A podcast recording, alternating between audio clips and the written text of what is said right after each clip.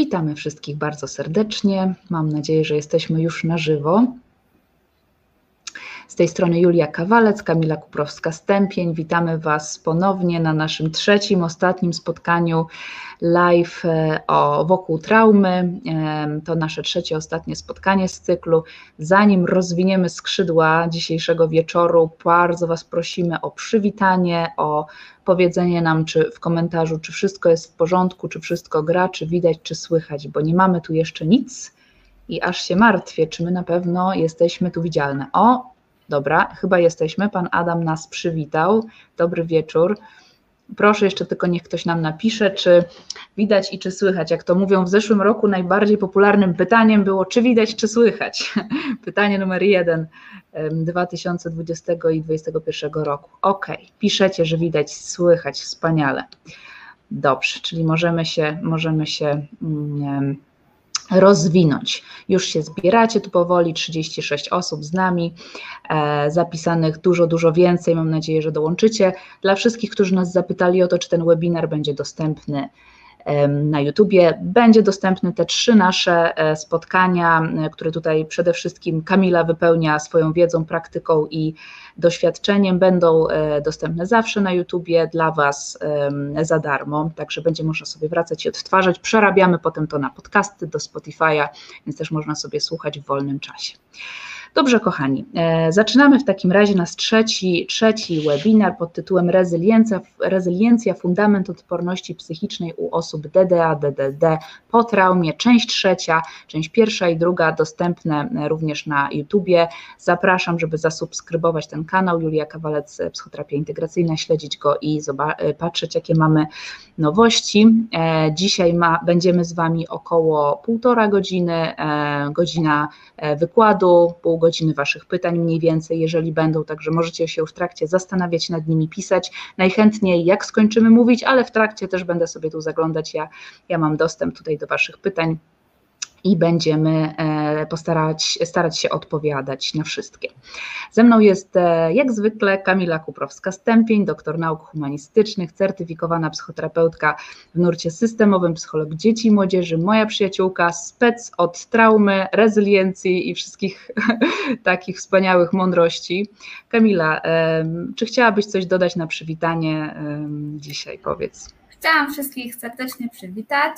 E, bardzo na początek się ucieszyłam, że są z nami mężczyźni, e, dlatego że e, no, mamy taki odbiór rzeczywistości, że większość naszych tutaj słuchaczy to są jednak kobiety i słuchaczki, więc serdecznie witam.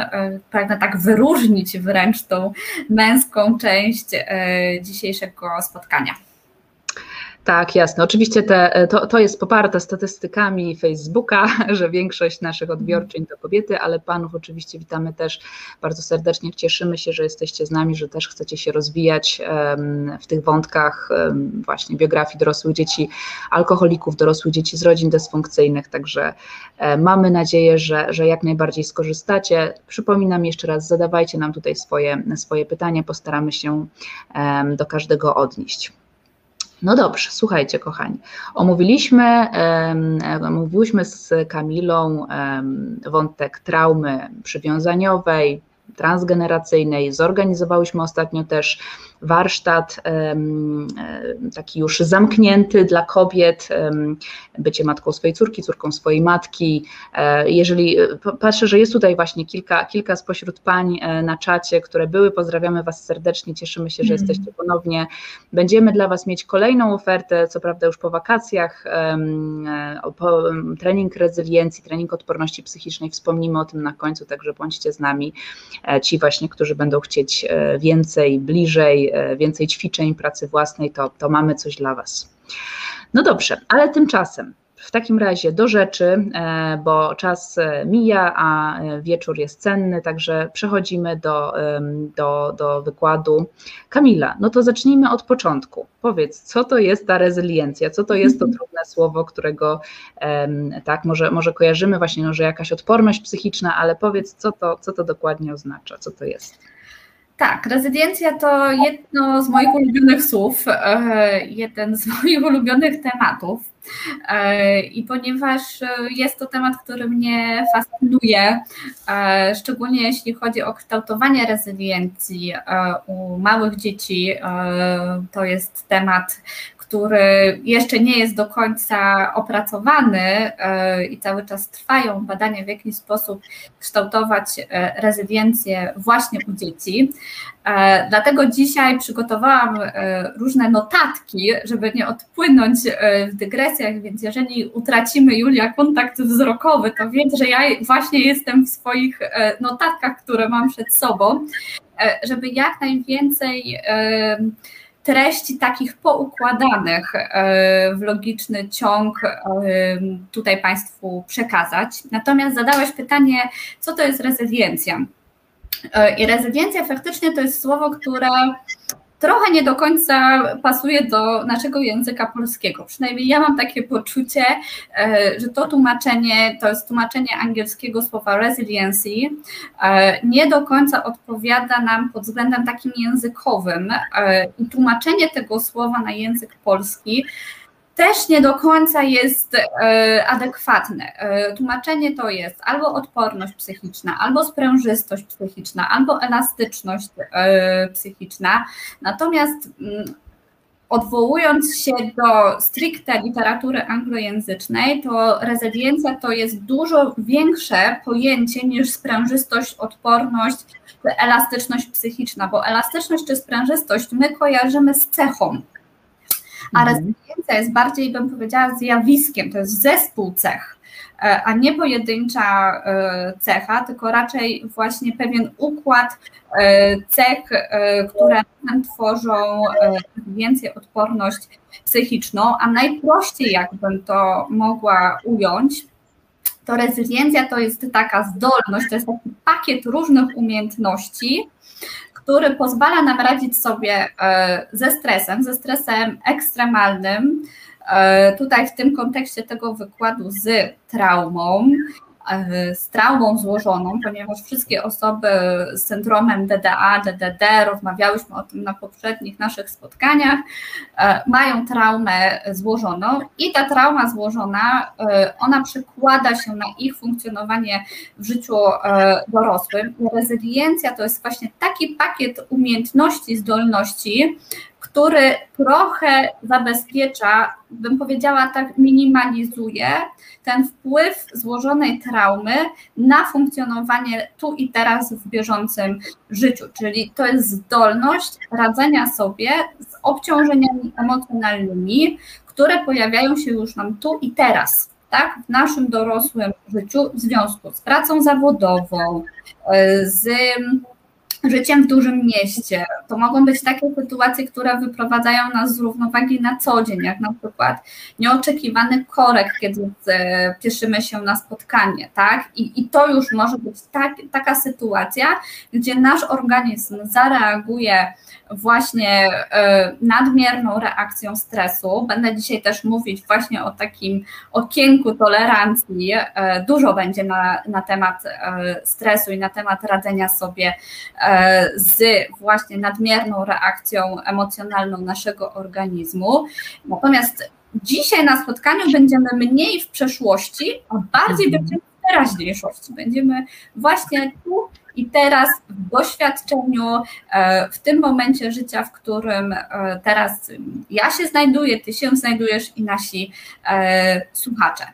To, co bym chciała jeszcze dodać na temat rezyliencji, bo wydaje mi się to kluczowe, to, że każdy człowiek z rezyliencją się rodzi. To nie jest coś, czego można się wyuczyć, że ktoś to ma, a ktoś tego nie ma, i ktoś, kto tego nie ma, e, to jest poszkodowany z jakimś deficytem. Nie. Rezyliencję, odporność psychiczną ma każdy. Jedyne co, to różnimy się poziomem tej rezyliencji. To, co mhm. mówią badania naukowe, to u osób, które doświadczyły traumy, e, no to właśnie ten poziom rezyliencji jest obniżony, ale tu jest właśnie taki haczyk, że u osób po traumie, mniej więcej u jednej trzeciej e, osób e, po doświadczeniu traumatycznym w dzieciństwie dochodzi do, takiego, do tak zwanego wzrostu posttraumatycznego. I wtedy w tym wzroście posttraumatycznym te osoby mają więcej rezyliencji co jest po prostu fascynującym e, zjawiskiem, że osoby, które są bardzo obciążone e, pod względem emocjonalnym, e, mogą mieć większy zasób wewnętrznym, jakim jest rezyliencja, i o tym też będziemy dzisiaj mówiły co to takiego jest właśnie ten wzrost posttraumatyczny, to okno tolerancji, rezyliencję, jak to kształtować, na co zwracać uwagę. Na to wszystko będziemy dzisiaj odpowiadały w trakcie tego spotkania. Natomiast podsumowując, w wielkim skrócie, to jest pakiet umiejętności, które pozwala nam radzić sobie z bieżącymi obciążeniami życiowymi. Mhm. Kamila, a czy to jest moment, żebyś powiedziała, co to jest za pakiet tych cech, o których mówisz? Jaki to jest pakiet? Jaki to jest pakiet? A jaki to jest pakiet, to zostawiłam na sam koniec. Ach, okej, okay. czyli trzymasz, trzymasz e, w niepewności. Tak, tak, tak, tak żeby tak jednak nie wszystko od razu, tylko powolutku, powolutku, e, krok po kroku. Okej. Okay. Mamy tutaj e, pytanie od razu od pani Sylwii Karpińskiej. Być może też e, będziesz o tym mówić więcej, ale zobacz, e, Kamila, czy, czy możemy teraz. Pani Sylwia pyta, czy wrażliwość interpersonalna to skutek dzieciństwa alkoholików? Hmm. Muszę się wczytać w to pytanie, bo tak wiesz, na pierwszy rzut to nie zrozumiałam tego pytania. Mhm. E, bo po, pierwsze mam trudność e, ze zdefiniowaniem, co to jest wrażliwość interpersonalna, bo to można bardzo różnie rozumieć. Mhm. E, w kategoriach, czy ktoś na przykład reaguje nadmiernym pobudzeniem emocjonalnym w sytuacjach, bym powiedziała, neutralnych społecznie. Tak? Na przykład mhm. tutaj mówimy o fobii społecznej. To, to może być ujmowane w kategoriach wrażliwości interpersonalnej. Czy to może być skutek dzieciństwa alkoholików? No ja ostatnio czytałam takie wyniki badań, które y, bardzo mnie zainteresowały i gdzieś ten temat wokół mnie krąży, y, bo też uczestniczyłam ostatnio w y, wykładzie profesora Fonagiego, który zajmuje się z kolei mentalizacją E, czyli taką umiejętnością, która też jest właśnie w tym pakiecie rezyliencji, umiejętnością e, wchodzenia w perspektywę drugiej osoby. Tak? E, zarówno na tym wykładzie, jak i te wyniki badań, które ostatnio miałam, z którymi ostatnio miałam okazję się zapoznać, wskazywały, że trudno mówić w tej chwili o takim związku przyczynowo-skutkowym między szeroko pojętą e, psychopatologią, e, a dzieciństwem raczej mówimy o czynniku P, czyli czynniku psychopatologii, który prawie w każdej właśnie jakimś deficytowym obszarze jest związany z naszym dzieciństwem. Tak? Mhm. Wyjątkiem są tutaj e, choroby o, związane z e, układem nerwowym, czyli stricte neurologiczne. Tak, to tutaj mhm. jest wyjątek, na przykład otępienie tak, e, u osób starszych, czy choroba Alzheimera, gdzie tutaj jest połączenie między e, psychologią a mm, funkcjonowaniem centralnego układu nerwowego. Natomiast jeżeli mówimy o takich stricte, bym powiedziała, ja nie lubię tego sformułowania zaburzenia emocjonalne, bo to, co jest normą, a to, co nie jest normą, to też jest pewna nauka uznaniowa. Natomiast e, tu, gdzie specjaliści, psychiatrzy, psychologowie kliniczni, psychoterapeuci aktualnie mówią, to jest psychopatologia, to nie jest norma, wiążą to w ogólnie, bym powiedziała, na bardzo ogólnym e, poziomie z czynnikiem P, a czynnik P ma swoje źródło w dzieciństwie. Mhm. Ale można powiedzieć, że czynnik P ma swoje źródło w dzieciństwie i to są na przykład rodziny dysfunkcyjne. Mhm. I wychowywanie w rodzinie dysfunkcyjnej prawie zawsze kończy się tym, że człowiek nabędzie czynnik P i rozwinie jakąś psychopatologię. No, ta, takiego założenia przyczynowo-skutkowego nie możemy mm, połączyć, tak? Mhm. Nie wiem, czy odpowiedziałam na to pytanie w taki bardzo, bym powiedziała, zawaluowany sposób, e, ale tak bym to rozumiała. Okej, okay. Pani Sylwia, jakby Pani mogła, e, może nam Pani więcej jeszcze napisać, co Pani miała na myśli, na przykład myśląc o wrażliwości interpersonalnej, może to, je, może tu chodzi też o to WWO znane, mm. czyli wysoko, osoby wysoko wrażliwe, których też mamy tutaj, które mamy na sercu i pewnie o których będziemy przygotowywać jakieś wystąpienia. Może to też można odnieść do tego, co powiedziałaś Kamila, że skutkiem e, dzieciństwa w rodzinie alkoholowej może być obniżenie na przykład tej rezydencji, rezyliencji, tak, albo że tak, a jeżeli jeszcze trafi na wyso- osobę wysoko wrażliwą, no to właśnie może się jakoś e, skumulować ta trudność, no ale jeszcze mamy cały czas do wykorzystania wzrost potraumatyczny, do którego dojdziemy. Także Pani Sylwia, jakby, jakby mogła Pani jeszcze może troszkę więcej, to, to najwyżej odpowiemy później. Dobrze, a tymczasem idziemy dalej, Kamila, w takim razie. No to okej, okay, no to Powiedz więcej, powiedz jakieś twarde fakty o, mm. o, o, ludziach odpornych psychicznie, tak? Co my właściwie wiemy z nauki na pewno, tak? Albo no do czego jakoś się mhm. zbliżamy, że jak to się e, dzieje, że no pewna grupa ludzi potrafi tak żyć w zgodzie ze sobą, własnym życiem, nie przeciąża się, jakoś rozumie swoją, swoje mm, możliwości. Co my o tym wiemy na pewno? Mhm. Więc e, rezyliencja na pewno jest, e, tak jak ja już powiedziałam, że ona nie jest e, zdeterminowana, czyli każdy człowiek rodzi się już z takim pakietem, zjawiskiem psychicznym, jakim jest rezyliencja. Natomiast osoby będą się różniły poziomem tej rezyliencji.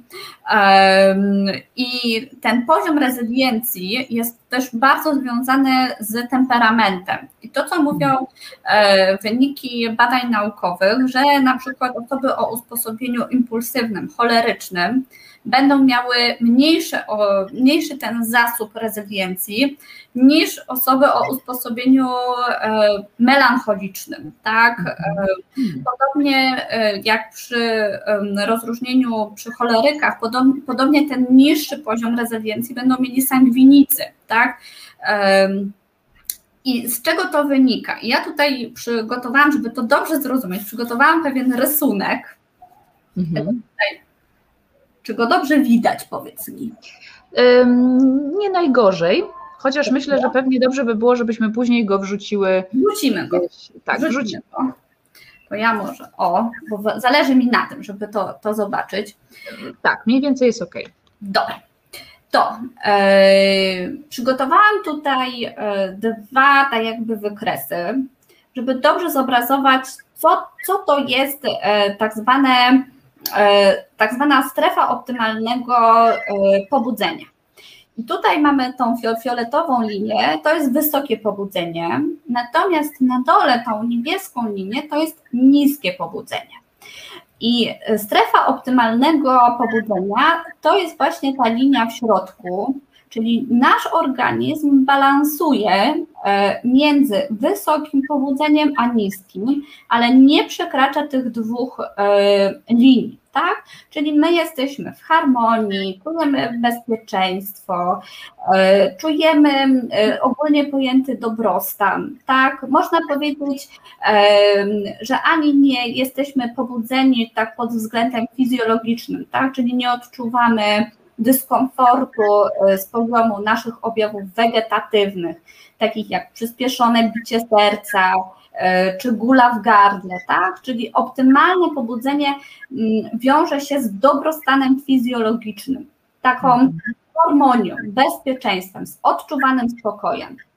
Natomiast co się dzieje, kiedy dochodzi albo do sytuacji traumatycznej, albo do sytuacji, w której odczuwany jest e, stres ekstremalny. E, czyli tutaj odwołuję się do tej naszej wiedzy z pierwszego wykładu, czyli z wiedzy dotyczącej monotraumy, e, czyli pojedynczego wydarzenia typu wypadek samochodowy, to jest stres ek ekstremalny, e, i do wiedzy z tak zwanej traumy złożonej, czyli taka sytuacja, kiedy stres ekstremalny powtarza się dosyć często, tak, na przykład w rodzinach alkoholowych, czy w rodzinach e, dysfunkcyjnych, czy na przykład w związkach przemocowych, tak, Tak. Ten stres ekstremalny pojawia się no, czasami nawet i kilka razy dziennie, kilka razy w tygodniu, to jest norma.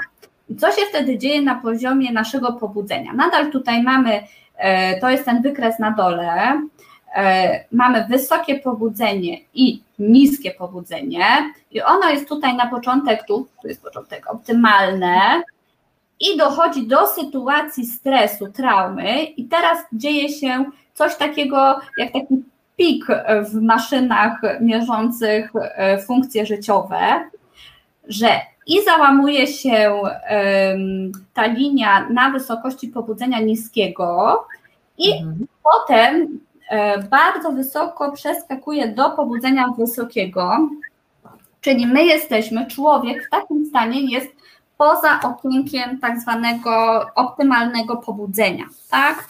E, I co to oznacza dla naszego organizmu? No pojawiają się przede wszystkim objawy fizjologiczne, czyli pojawia się nadmierne pocenie, pojawia się e, przyspieszone bicie serca, pojawia się, pojawiają się duszności u bardzo wielu osób w momencie, kiedy jest um, poza okienkiem optymalnego pobudzenia, pojawia się właśnie, pojawiają się duszności, um, mogą się pojawić trudności z zebraniem myśli, z wypowiedzeniem um, tych myśli.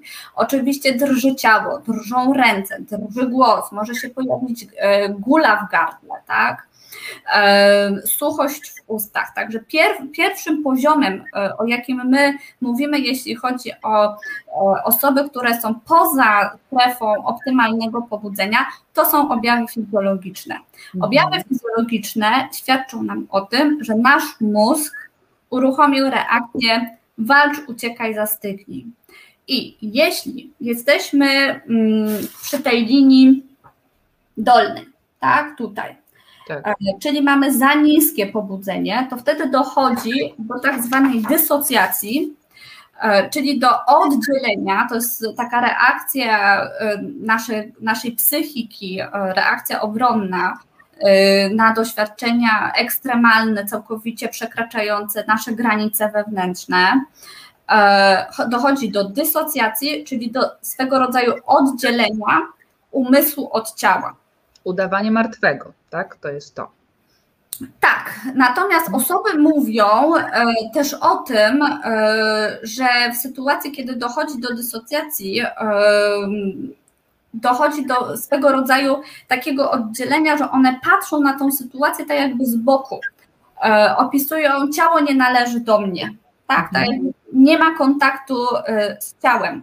Natomiast w sytuacji, kiedy dochodzi do zbyt wysokiego pobudzenia, czyli jesteśmy na górze, e, to mamy wtedy duży napęd psychoruchowy, pobudzenie psychoruchowe, tak?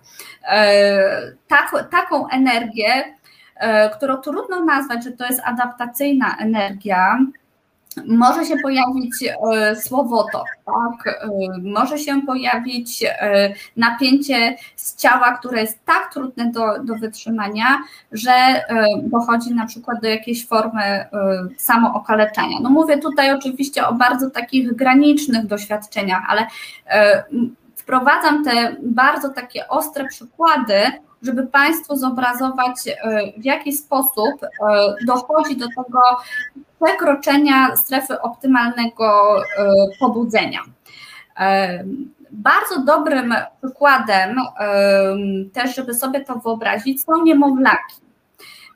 I u niemowlaków dochodzi właśnie do przekroczenia tej strefy optymalnego pobudzenia, kiedy dzieci usypiają z płaczu.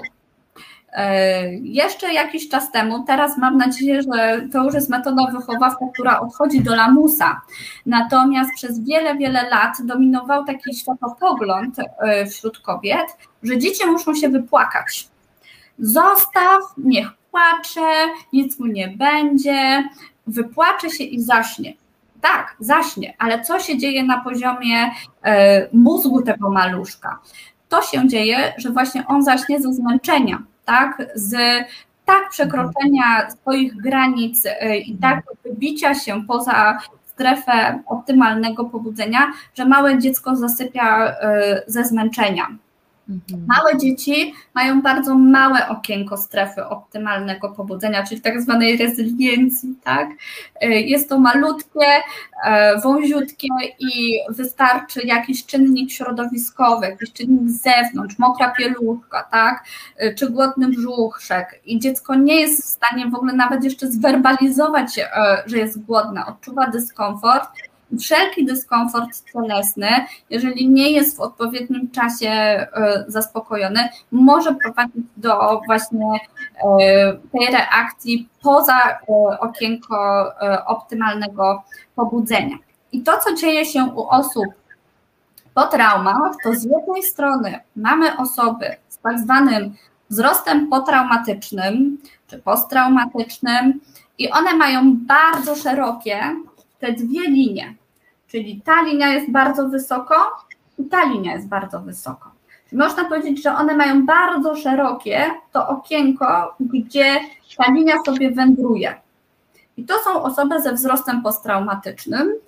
E, można by było powiedzieć, że to są osoby, które mm, dosyć dobrze radzą sobie z takim stresem dnia codziennego. E, tak, czyli takie e, duże wychylenia, to tak? Tak, tak, tak. Mhm. Czyli te osoby sobie dobrze radzą e, ze staniem w korkach, e, z tym, że pani w sklepie nie ma wydać reszty, e, z takim stresem bym powiedziała dnia codziennego, ponieważ te mhm. okienka są bardzo szerokie i potrzeba bardzo ekstremalnego doświadczenia, żeby doszło do tego załamania poza, poza linię. Natomiast druga część osób, które doświadczyły traumy, mają za, ma, za blisko siebie te dwie linie wysokiego i niskiego pobudzenia i im wystarczy niewiele, no właśnie, wystarczy im korek, wystarczy spóźnić się na autobus, wystarczy, że tramwaj zmienia trasę, wystarczy, że pani się krzywo spojrzy, czyli szereg takich życiowych sytuacji doprowadza u nich do nadmiarowej reakcji walcz lub uciekaj, tak? Czyli dochodzi do e, załamania się tej krzywej optymalnego pobudzenia i albo reagują wysokim pobudzeniem, albo reagują zbyt niskim pobudzeniem, e, bo zbyt niskie pobudzenie to nie tylko jest dysocjacja, ale to może być też e, senność, mhm. zmęczenie, tak, brak energii, brak siły i to też jest sygnał naszego organizmu, że jesteśmy poza okienkiem tolerancji na stres. Kamila, mhm. Poczekaj, a zadam Ci sama takie pytanie, które mi przychodzi do głowy. Czy my wiemy, e, od czego to zależy, która osoba bardziej wychyla się do góry, a która bardziej do dołu? Czy jakby są jakieś e, wskazówki, tak jakby kto, czy, czy, czy właśnie charakterystyka, jakieś różnice indywidualne, kto będzie bardziej szedł w pobudzenie, a kto bardziej w takie właśnie dysocjowanie? I to jest właśnie kwestia temperamentalna, że cholerycy i sangwinicy będą szli w kierunku nadmiernego pobudzenia, e, a melancholijni, nostalgiczne osoby będą takie też, to jest podejrzewam związane z ekstrawertyzmem i introwertyzmem, tak? E, z tą cechą, że ekstrawertycy e, będą szli w kierunku nadmiarowego pobudzenia i mogą sobie nakręcać to nadmiarowe pobudzenie poprzez substancje psychoaktywne, tak? Lub poprzez sytuacje ryzykowne, żeby poczuć jeszcze więcej, jeszcze mocniej. Mhm. Także to jest związane, powiedziałabym, z takimi cechami temperamentalnymi. Mhm. Okej. Okay. Hmm, kontynuuj. I tutaj chciałam się odwołać, bo powiedziałam, że na czym polega strefa optymalnego pobudzenia I ludzie, ludzie się różnią tą strefą optymalnego e, pobudzenia.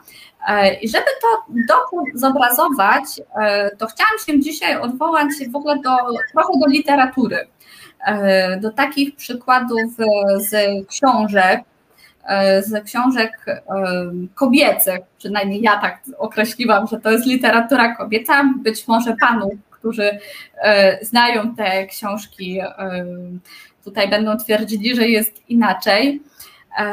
Natomiast wybrałam dwa takie przykłady, bo faktycznie, żeby zrozumieć rezyliencję i żeby zrozumieć to okno tolerancji na stres, to nie jest łatwa sprawa, żeby to rozumieć.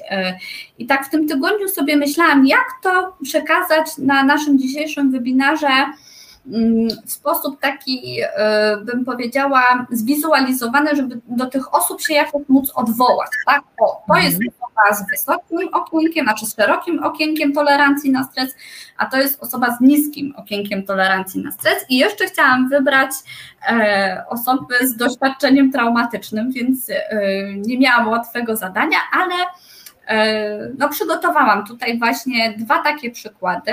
Mhm. E, jeden przykład jest e, bardzo popularny, bo jest ze stulecia winnych e, i jest trylogia stulecia winnych i jest, był teraz serial w telewizji, więc myślę, że część słuchaczy i słuchaczek będzie kojarzyło tą historię. I historia dotyczy dwóch sióstr bliźniaczek, Mani i Ani. I one doświadczają traumy II wojny światowej I żeby sobie zobrazować, Ania ma dosyć szerokie e, okienko tolerancji na stres, a Mania ma dosyć wąskie okienko tolerancji na stres. One też się różnią e, w strategii w trakcie II wojny światowej. Mania jest bardziej zapobiegawcza, czyli ta, która ma niskie okienko tolerancji na stres, jest osobą lękową, E, raczej próbuje zabezpieczyć e, siebie na różnych e, poziomach. Natomiast Ania, która ma szerokie okienko tolerancji na stres, jest bardziej też zaangażowana w takie działania ryzykowne, ratuje dziecko żydowskie z getta, więc podejmuje tutaj takie zachowania odważne. Mm, które też mogą wiązać się oczywiście z ryzykiem, ale w, mo w moim poczuciu e, ona różne sytuacje takie stresogenne w swoim życiu jest taką postacią, która dobrze sobie z tym radzi. Więc tutaj można wzorować się na tych dwóch e, postaciach, żeby to dobrze zrozumieć, na czym polega osoba e, z takim dobrze rozwiniętym pakietem rezyliencji e, i z mniejszą pojemnością rezyliencji. Tak? A drugim takim przykładem, który mi przyszedł do głowy, to jest taka włoska pisarka e, Elena Ferrante, I ona napisała cykl Genialna Przyjaciółka. On jest też do obejrzenia serial na e, HBO, ale też jest pakiet e, książek. I to, to z kolei jest historia dwóch przyjaciółek, które są wychowywane, bym powiedziała, w skrajnie niekorzystnych warunkach takiego powojennego Neapolu skrajnej biedzie, w takich warunkach, bym powiedziała, gdzie trudno w ogóle tą wrodzoną rezyliencję kształtować. I jedna z nich, tam jest bardzo takie e, fajne sformułowanie w momencie, kiedy jedna z nich doświadcza sytuacji właśnie silnego stresu, e, że ona doznaje e, wykonturowania, czyli tak jakby życie wokół niej traci kontury. Tak, ona te, traci poczucie tu i teraz, traci poczucie e, czasu, przestrzeni. ja to skojar, skojarzyłam, e, że ta bohaterka opisuje dysocjację. Tak, e, ma niskie okienko tolerancji na stres e, i doświadcza e, dysocjacji. Więc jeżeli ktoś z zainteresowanych naszych słuchaczy chciałby E, właśnie nie w taki stricte psychologiczny sposób e, sobie przyswoić, na czym polega odporność psychiczna, to zachęcam e, i do obejrzenia czy przeczytania Stulecia Winnych, czy Genialnej Przyjaciółki, bo tam bardzo wyraźnie widać tą różnicę na przykładzie dwóch bardzo bliskich relacji. Tu mamy przyjaciółki, tutaj mamy siostry, więc na zasadzie takiego różnicowania można bardzo dobrze zrozumieć, na czym to polega. Mhm. To, mm, to ja tutaj dołożę jeszcze od siebie w takim razie. Mhm. W ogóle, tak, muszę, muszę przeczytać te książki, o których mówisz. Nie słyszałam o tym. Ale ja z kolei mogę, mogę polecić, e, pewnie e, dużo osób zna, Kamila, pewnie też kojarzysz ten film Plac Zbawiciela, mhm. E, o takiej właśnie polskiej rodzinie. Tam jest wątek dorosłych dzieci z rodzin dysfunkcyjnych i małych dzieci, w sensie po prostu dzieci w rodzinie dysfunkcyjnej, też alkoholowej, gdzie dwójka dzieci właśnie na różne sposoby radzi sobie z tym, czego doświadcza w tym domu, jak się kłócą rodzice. I jedno jest bardziej, właśnie bardziej w takim rybie walki ucieczki z tak zwanej tej strefy regulacji czerwonej, a drugie bardziej w tej dysocjacji, gdzie ono zaczyna coraz bardziej być takie wycofane, kontury mu się rozpływają, może tak to nie jest opisane, ale, ale tak to wygląda przynajmniej dla widza, także, także ten, ten film też Wam e, tutaj polecam odnośnie tak stricte DDA, DDD. Um, I przy okazji tak, e, to wszystko o czym mówimy to też nie wiem, nie wiem Kamila, czy, czy, czy z kolei w, w, widziałaś jakby ten, ten taki schemat, pewnie widziałaś strefy, strefy regulacji, właśnie zielona, znaczy żółta, zielona, bodajże potem czerwona i niebieska, o których mówi właśnie na przykład Agnieszka Stein, też możecie sobie do niej zajrzeć, żeby jeszcze bardziej poszerzyć ten wątek. Okej, okay, idźmy dalej. E, to już tyle e, w tym pytaniu, czy kolejne? Idziemy dalej? Je, jeszcze mam jeden przykład, taki bardziej historyczny. Mm, w jaki sposób kiedyś e, ludzie nie wiedzieli, co to jest rezyliencja, to jest bardzo świeży temat, świeże pojęcie także w literaturze anglojęzycznej, ale mieli swoją taką wewnętrzną mądrość, wewnętrzną intuicję i przychodzi mi jeszcze do głowy przykład z nocy i dni. E, z nocy i dni, e, tam jest przedstawiona historia małżeństwa Barbary i Bogumiła. E, I zarówno Barbara, jak i Bogumił, w moim poczuciu, mają dosyć szerokie okno tolerancji na stres radzą sobie zupełnie inaczej. Bogumił radzi sobie ze stresem poprzez pracę w polu, E, natomiast e, ja bardzo też uwewnętrzniłam sobie e, taką alegorię, metaforę. Trudno mi tutaj to jednoznacznie określić, ale taki rytuał Barbary, jak Barbara z Bogumiłem zmieniali miejsce zamieszkania, a zdarzało się to e, w życiu, e, no może nie tak wiele razy jak w obecnych czasach, no ale dla Barbary to było bardzo duże wydarzenie. To był stres życiowy, Barbara, jeżeli mówimy na poziomie takiej osobowości, to mogłobyśmy ją nazwać histeryczką. E, zresztą żyła w czasach e, przez Freuda nazwanych, e, że to jest epoka histerii, teraz żyjemy w epoce narcyzmu, więc Barbara była histeryczką, to nie ulega żadnych wątpliwości. Ale pomimo tego ona miała fajny zasób rezyliencji, ponieważ przy zmianie tego miejsca zamieszkania. Ja pamiętam tą scenę e, z mm, serialu, kiedy ona przyjeżdża na to, jak ona mówiła do Bogu, miała pobojowisko.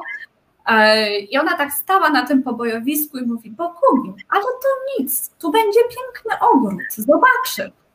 E, I to, to tak dobrze oddaje esencję, czym jest rezyliencja, tak? Mhm. Że z pobojowiska jest stopniowo, rozrasta się, tworzy się piękny, piękny ogród e, i ten ogród e, jest bardzo podkreślany i, e, i w książce, i w serialu, i, i Barbarze to towarzyszy życiowo. Więc taki historyczny przykład, że ludzie kiedyś też um, mieli ten zasób rezyliencji, całkowicie mhm. tego nieświadomy i to nie było tak nazwane, e, a tą taką mądrością ludową, która w moim poczuciu jest e, zapomniana obecnie e, mądrość ludowa, a jest bardzo nacechowana rezyliencją. Mhm. Właśnie, no to e, wydaje się, że w tym pakiecie premium rezyliencji musi być jakiś optymizm, no bo jak Ciebie słucham tutaj, jak komentarz tej Barbary, to, to brzmi mi to po prostu jak na, na cechę czy, czy właściwość optymizm, optymizmu albo takiego trafnego przeformułowania jakiegoś wydarzenia, ubrania w jakieś nowe ramy, tak, no, że mamy pobojowisko, ale zrobimy coś z tego, tak, takie, takie, takie, taka pozytywna konotacja, ale pewnie jeszcze wspomnisz o tym pakieciku.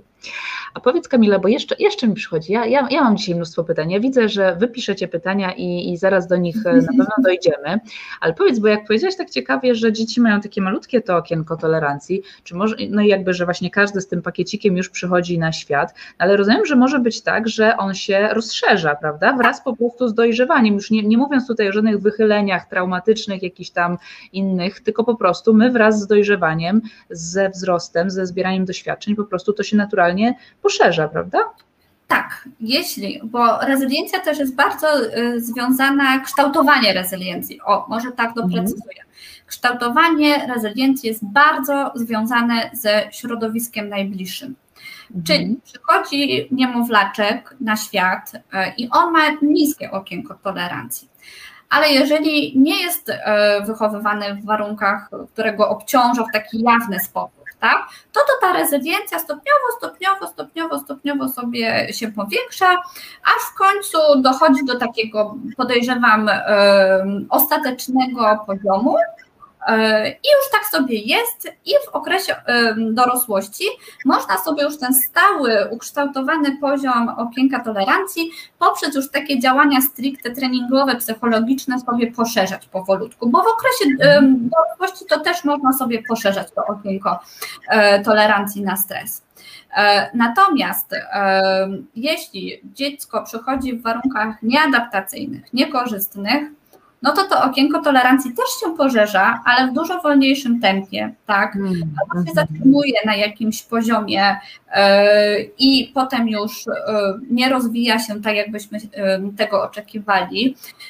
Dlatego ja bardzo dużo wiążę nadzieję i też na, na koniec będziemy o tym mówiły, żeby pracować z rodzicami, w jaki sposób oni mogą kształtować e, właśnie rezyliencję e, u dzieci i we wrześniu ja też e, planuję tutaj takie spotkania dla mam, dla ojców, w jaki sposób w codziennym życiu oni jako rodzice mogą rozwijać właśnie to okienko tolerancji na stres u swoich dzieci. Bo mhm. tak bardzo fajnie, że zadałaś to pytanie, dlatego że tak, rezyliencja jest wrodzona ale jej zakres już mhm. zależy od środowiska. To już jest wpływ mhm. środowiska. Tak, czyli mamy, mamy co zrobić w tej sprawie, a zwłaszcza rodzice, którzy, którzy właśnie, którzy dostali malutki pakiecik od swoje, swojego dziecka, który mogą im pomóc tak. rozszerzyć.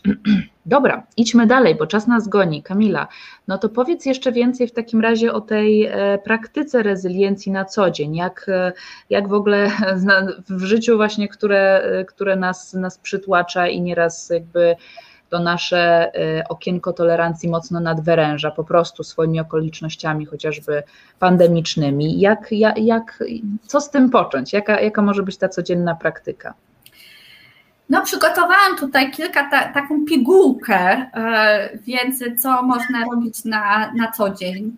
E, no, przede wszystkim e, najważniejsze w moim poczuciu, jeśli chodzi o rezyliencję, to jest kontakt z ciałem. Tak jak e, pokazywałam, że przy okienku tolerancji jest za niskie pobudzenie lub za wysokie pobudzenie i ono się objawia właśnie tymi objawami fizjologicznymi, więc żeby dobrze rozpoznać, czy ja już jestem poza tym okienkiem tolerancji na stres, no to trzeba mieć kontakt z własnym ciałem, tak, z tymi objawami wegetatywnymi. To na początek. A ale co to właściwie jest kontakt z ciałem? Mm. Że tak wsadzę jakiś mrowisko. Czyli właściwie jak my możemy, tak najprościej, jakaś jedna wskazóweczka, jak to zrobić? E, ja swoim e, pacjentom młodocianym, tak to określę, e, nastolatkom, które nawet w gabinecie, jak mówią o czymś trudnym, i to tak jest ze stresem, potrafią wypaść poza okienko optymalnego pobudzenia i czują, czują na przykład gulę w gardle, tak? To, to ja w tym momencie um, widzę, że to jest tutaj napięcie w okolicy krtani. Y, proponuję wtedy oczywiście picie, ponieważ picie rozluźnia tutaj te mięśnie gardła, co jest bardzo istotne. Natomiast ja już daję taką wskazówkę werbalną, że czujesz chyba gulę w gardle. Mhm. Tak, no jest ta gula w gardle, tak? E, Więc jeżeli nie mamy do dyspozycji terapeuty, tak, a jeżeli chodzi o uważność na swoje ciało, to tutaj jak najbardziej można to wypracować samemu. Mhm. Z taką uważnością, co się dzieje z moim ciałem, kiedy jest w napięciu, kiedy się denerwuje. Mhm. Czyli zwrócić uwagę, czy właśnie pojawia się ta gula w gardle, czy pojawiają się spocone ręce, a może mnie ręce drżą, a może czuję, że mam nogi z waty tak? E, I to jest bardzo nawet istotne, żeby w pierwszym kroku sobie zrobić listę e, mhm. takich objawów wegetatywnych, e, żeby powolutku, powolutku nauczyć się, jak moje ciało reaguje. Bo my, jaką mamy pierwszą reakcję? Jak czujemy tą gulę w gardle, to chcemy, o nie, nie ma tego, nie chcę tego czuć, chcę jak najszybciej się tego pozbyć. W pierwszym kroku niekoniecznie. W pierwszym kroku trzeba to zauważyć, nazwać, moim zdaniem też e, napisać, czyli co się ze mną dzieje, jakie ja mam nieprzyjemne e, doznania w sytuacji, kiedy wypadam poza moje okienko tolerancji. A drugą bardzo ważną kwestią jest lista tak zwanych triggerów.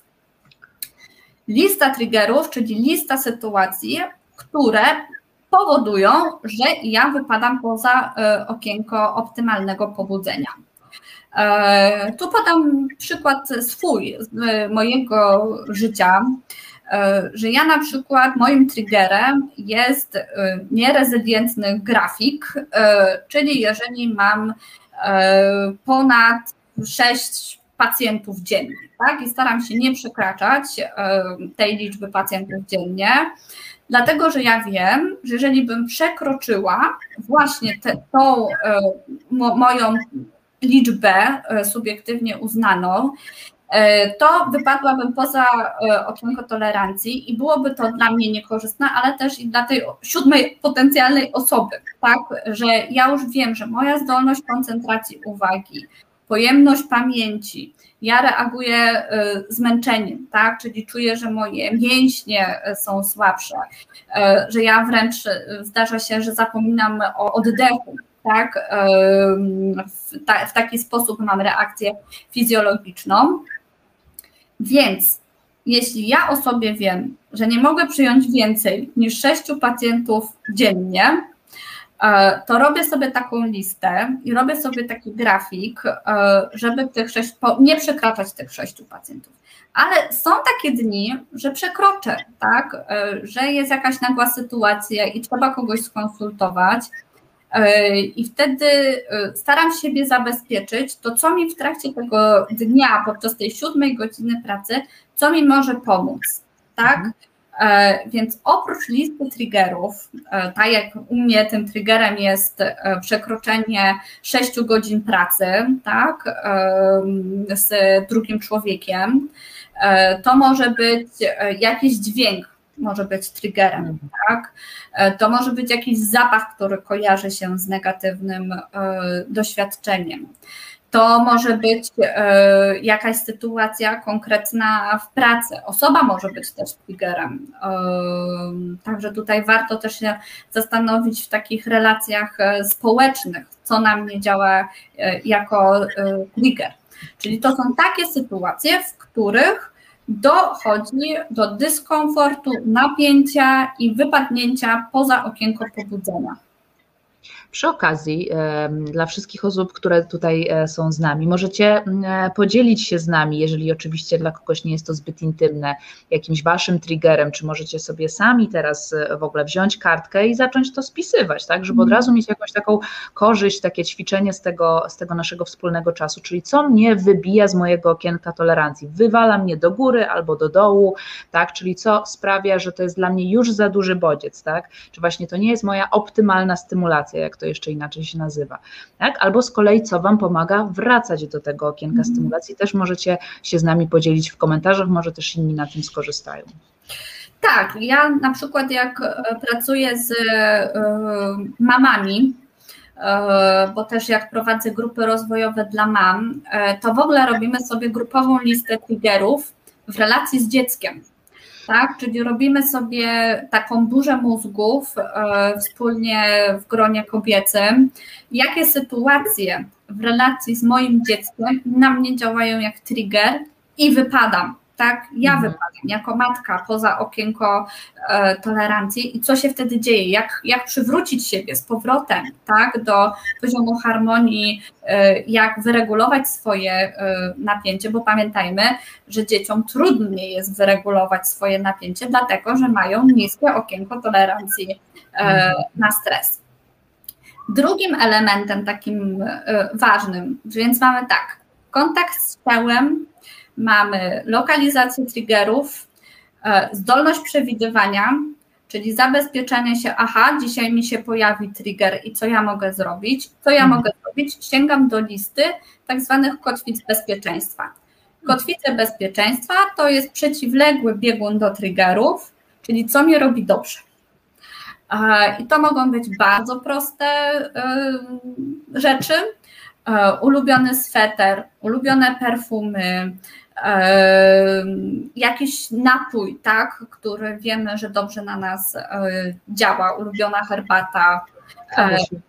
Tak, mieć taką listę, albo sen, drzemka, tak, popołudniowa. To też jest jak najbardziej kotwica bezpieczeństwa.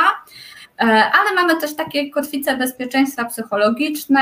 E, jedną z takich kotwic zrobiłyśmy na warsztatach, to jest e, drzewo siły, Także tutaj są takie stricte już wewnętrzne kotwice, które można stosować właśnie w sytuacji e, napięcia e, i po nie też można sięgnąć, one są zawsze dostępne. Kotwice bezpieczeństwa, takie stricte psychologiczne, też powinny być e, związane z oddechem, z, powinny być ukierunkowane też na kontakt z ciałem. Więc mamy kolejny czynnik, czyli kotwicę bezpieczeństwa. I kolejnym to jest taka życzliwość i dobroć dla siebie.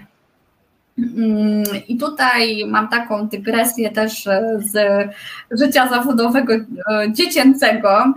E, w tym roku e, szkolnym prowadziłam też grupę dla dzieci E, i sześciolatek. Była taka piękna rozmowa między e, dwójką sześcioletnich chłopców. Jeden sześcioletni chłopiec stwierdził, że się niczego nie boi. Zajęcia dotyczyły lęku. Rozmawialiśmy o tym, że można się bać różnych rzeczy, że w tym wieku ciemności można się bać albo pająków. I on twierdził, że, że nie, jest, nie jest absolutnie dzieckiem, które się czegokolwiek boi. Na to drugi chłopiec mu odpowiedział, ale to jest niemożliwe, bo przecież ty nie jesteś robotem. E, I to jest taki dialog, który nam, osobom dorosłym, powinien towarzyszyć w takim życzliwym myśleniu o sobie. Nie jesteśmy robotami. E, nie działamy na automacie. Tak? Mamy emocje, czujemy emocje. Rezyliencja nie polega na tym, żeby te emocje sobie położyć na półkę, e, nie patrzeć na nie, nie ma tych emocji. Nie. E, jak najbardziej przyjmujemy te emocje, e, też ciemną stronę życia, że będą sytuacje, w których my będziemy wypadać poza okienko optymalnego pobudzenia i uznajemy to w sobie z taką dobrocią i życzliwością. Mhm. Tak, tak bym w skrócie ten pakiet y, przedstawiła. Mhm. Mhm. Miałam, miałam pytanie i mi uciekło, ale mhm. zaraz wróci, więc wrócę do, do, do naszych standardowych. Mm, okej, okay, a w takim razie, no to jakbyśmy jeszcze mogły to zebrać i jakbyś mogła powiedzieć, w jaki sposób można pomóc sobie i najbliższym, bo też mm, tak, warto, warto o nich zadbać, kształtować tą odporność psychiczną w codziennym mm. życiu. Jakby co my możemy zrobić, jeśli chodzi może o nasze dzieci, tak, czy bliskich e, małżonków, przyjaciół. W moim poczuciu, jeśli chodzi o tak, taką, taką praktykę rezyliencji, to kluczowe są drobne, małe nawyki. E, czyli bardzo ważna jest nie tylko przewidywalność, ale też powtarzalność. Czyli nie, nie wystarczy przeczytać na przykład e, o jakiejś kotwicy typowo psychologicznej, e, czy wysłuchać pojedynczo jakiejś e, relaksacji, żeby to zadziałało. Żeby pracować z własnym okienkiem tolerancji i też z takim rodzinnym okienkiem tolerancji na stres, tak? Bo jakim kanałem to przechodzi do dziecka? Przechodzi to kanałem od rodzica do dziecka, czyli jeżeli dziecko obserwuje, w jaki sposób rodzic reguluje swoje stany pobudzenia, w taki sposób na zasadzie e, modelowania uczy się e, od e, rodzica sposobu regulowania swojego napięcia. Więc mhm. ważne są małe, drobne nawyki, małe, drobne nawyki żywieniowe, dlatego że badania naukowe pokazują, że jeżeli dobrze pracują nasze jelita, niezależnie czy to są małe jelita, przedszkolne jelita, czy dorosłe jelita, e, które już przyjmują dużo różnych też niekoniecznie zdrowych e, produktów, e, że jeżeli mamy zbilansowaną dietę, to też to nasze okienko tolerancji na stres się poszerza. Bez żadnego psychologa, bez żadnego psychoterapeuty. Sama dieta, tak? To jest e, kluczowe. Badania też pokazują, że e, suplementacja witaminy D3 e, też jest takim czynnikiem, który wspomaga radzenie sobie ze stresem. Więc jak można tutaj z tego, z, z tego mojego wykładu wywnioskować, jak ważne w przypadku rezyliencji jest pie, w pierwszym etapie kontakt z ciałem. Mhm. A dopiero w drugim etapie to jest cała tak zwana psychologia. Mhm. E, czyli uczenie też dziecka, e, czy to elementów mindfulness, e, czy to wprowadzenie jakich, jakichś ćwiczeń jogi, jakiegoś rytmu dnia, regularności. W moim poczuciu, szczególnie jeśli chodzi o rodziców w dużych aglomeracjach miejskich, którzy mają skłonność do tego, że dzieci chodzą na mnóstwo różnych dodatkowych zajęć, to w moim poczuciu im więcej zajęć dodatkowych, nawet takich, bym powiedziała, artystycznych, tym mniejsza rezyliencja, tak? E, że ja w gabinecie zalecam rodzicom jedne zajęcia, czy to gimnastyka artystyczna, czy to zajęcia z ceramiki, ale żeby to były jedne e, zajęcia, nie na zasadzie w każdy dzień dziecko jedzie na inne zajęcia dodatkowe i takie dziecko nie ma możliwości nawet skontaktowania się mm, samemu ze sobą. Mhm. Mhm. Okej. Okay. Coś jeszcze? jeszcze jakoś możemy to kształtować? E, tak, jestem myślami przy tej akceptacji dla, dla siebie yy, i takiej życzliwości dla siebie, w takim kontekście yy, akceptacji i życzliwości też dla swoich mechanizmów obronnych.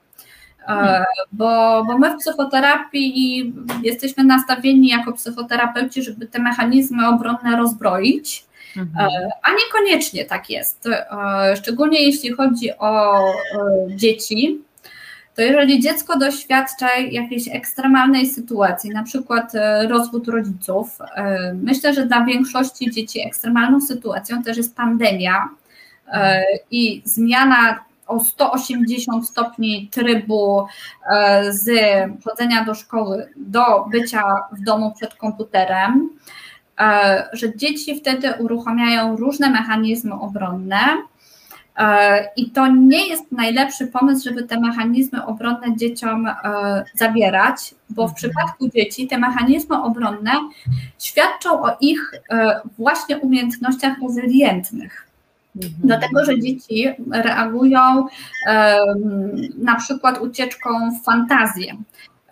I w momencie, kiedy ja się w gabinecie spotykam z dziećmi, które dużo fantazjują, e, odgrywają różne fantastyczne sceny, e, to to ma swoje głębokie, uzasadnione podłoże w właśnie adaptacji, że w taki sposób dziecko radzi sobie z sytuacją zagrażającą, obciążającą, bardzo dobrym zobrazowaniem, w jaki sposób działają mechanizmy obronne u dziecka.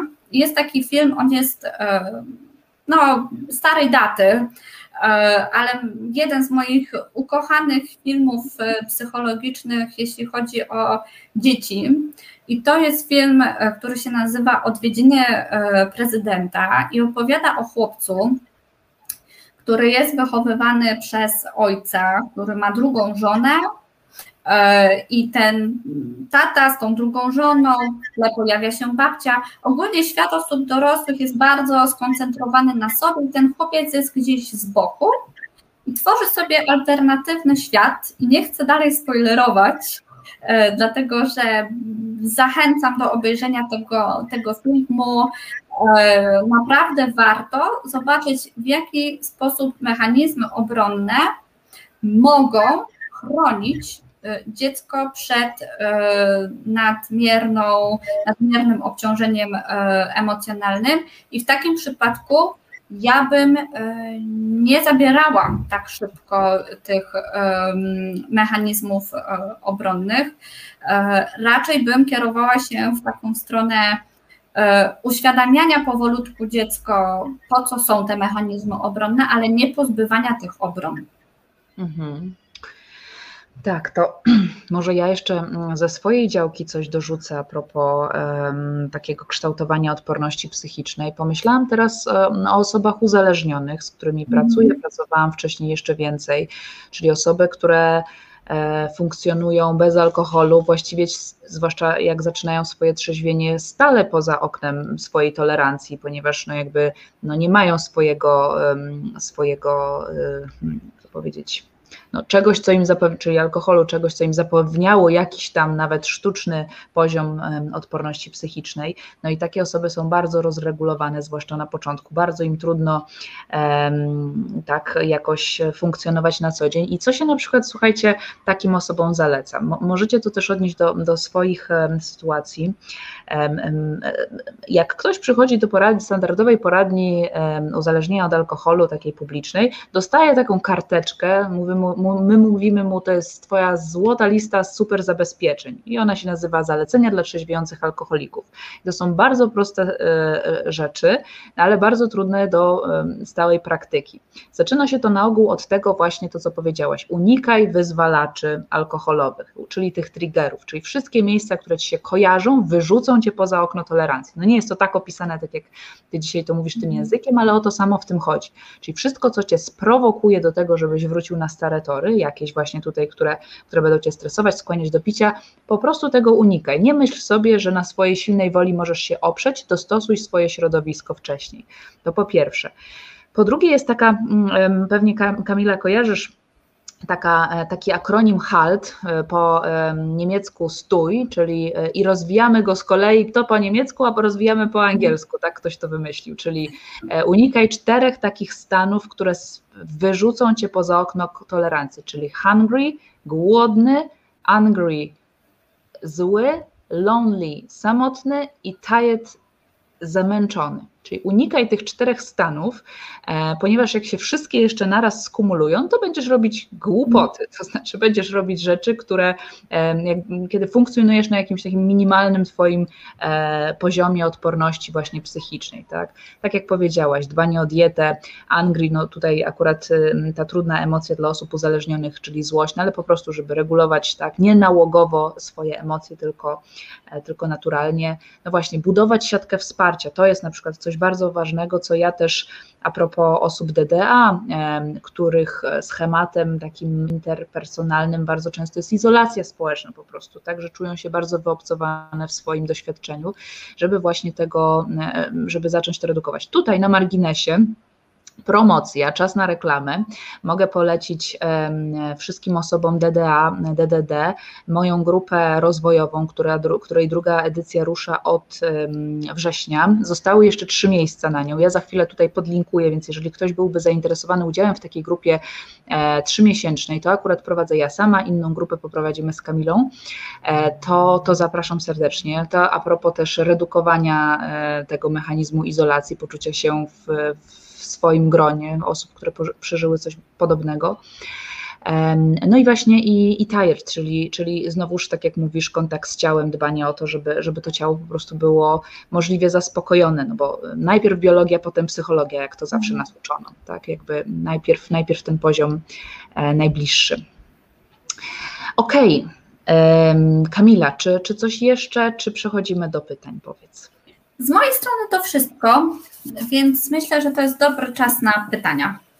Super. E, mamy, mamy tutaj ich całkiem sporo i są też różne komentarze, e, na przykład e, na przykład taki e, tutaj ostatni pani Sary, bądź dla siebie tak dobry, miej dla siebie tyle wyrozumiałości i wsparcia, jak dla osoby, którą bardzo kochasz. Pomyśl, co to za osoba i jak podszedłbyś do niej w sytuacji, w której siebie pociskasz. Tak, mm. Właśnie takie, taka, taka zmiana, to bardzo, bardzo ciekawa rada, tak właśnie jak uruchomić współczucie dla samego siebie. Nieraz nie wiemy, jak, jak to zrobić, a można to e, przekuć, prawda, z naszej relacji z kimś, kogo kochamy. Mm. Tylko ze sobą, tak dodam, tylko ze sobą mamy relację aż po grób. No właśnie. Więc o tą relację ze sobą warto zadbać. Lepiej się zaprzyjaźnić.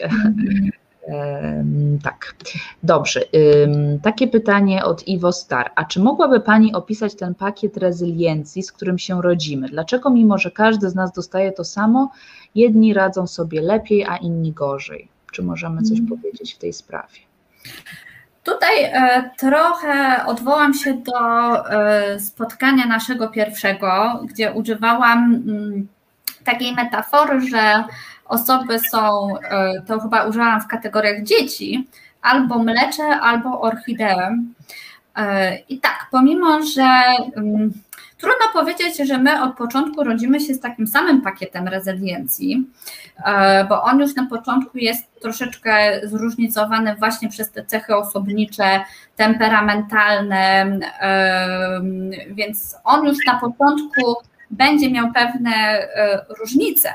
Natomiast potem, im dziecko rośnie, tym widzimy bardzo duże zróżnicowanie między dziećmi właśnie przeze mnie nazywane mleczami, a dziećmi, e, które są przeze mnie nazywane orchidee. Orchidee są to wysoko wrażliwe dzieci, e, których okienko tolerancji na stres jest e, bardzo wąskie, które frustrują się czynnikami zewnętrznymi, związanymi też z takimi warunkami środowiskowymi. Na przykład orchidee bardzo kiepsko reagują na upał. Tak, czy zupełnie inaczej czują zimno, e, więc to jest też taka reakcja na temperaturę. E, orchidee zupełnie inaczej sobie radzą z krytyką, z porażką, tak? że obserwujemy, że dzieci dużo dłużej e, wchodzą w taki, taki stan regulacji, stabilizacji po na przykład konflikcie rówieśniczym. Więc jeżeli miałabym wskazać Dlaczego mimo tego, że każdy z nas rodzi się z pakietem rezyliencji, tutaj zaznaczę, że ten pakiet rezyliencji, on jest zróżnicowany już na wstępie, każdy się z nim rodzi, ale nie każdy się rodzi z takim samym pakietem rezyliencji.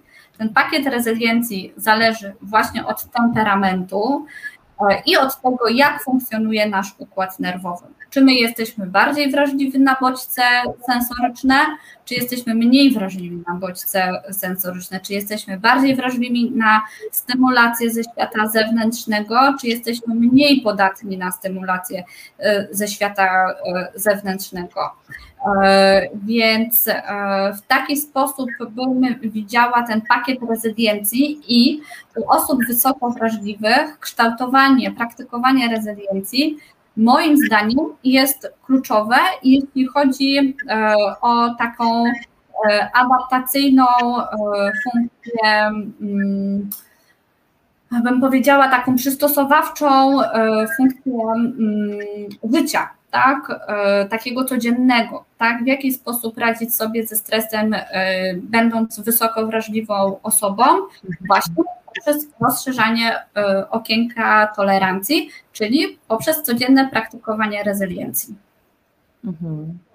Tak, tak. Mm, no, no, no, więc właśnie, więc można powiedzieć, że nie ma sprawiedliwości. Jedni, no. jedni będą mieli e, inne warunki wyjściowe i inne rzeczy ich spotkają po drodze w, w ramach środowiska, inni e, jeszcze inaczej, tak. I tak jak mówisz, e, kwestia wysokiej wrażliwości, w ogóle wrażliwości, tak, ale też temperamentu.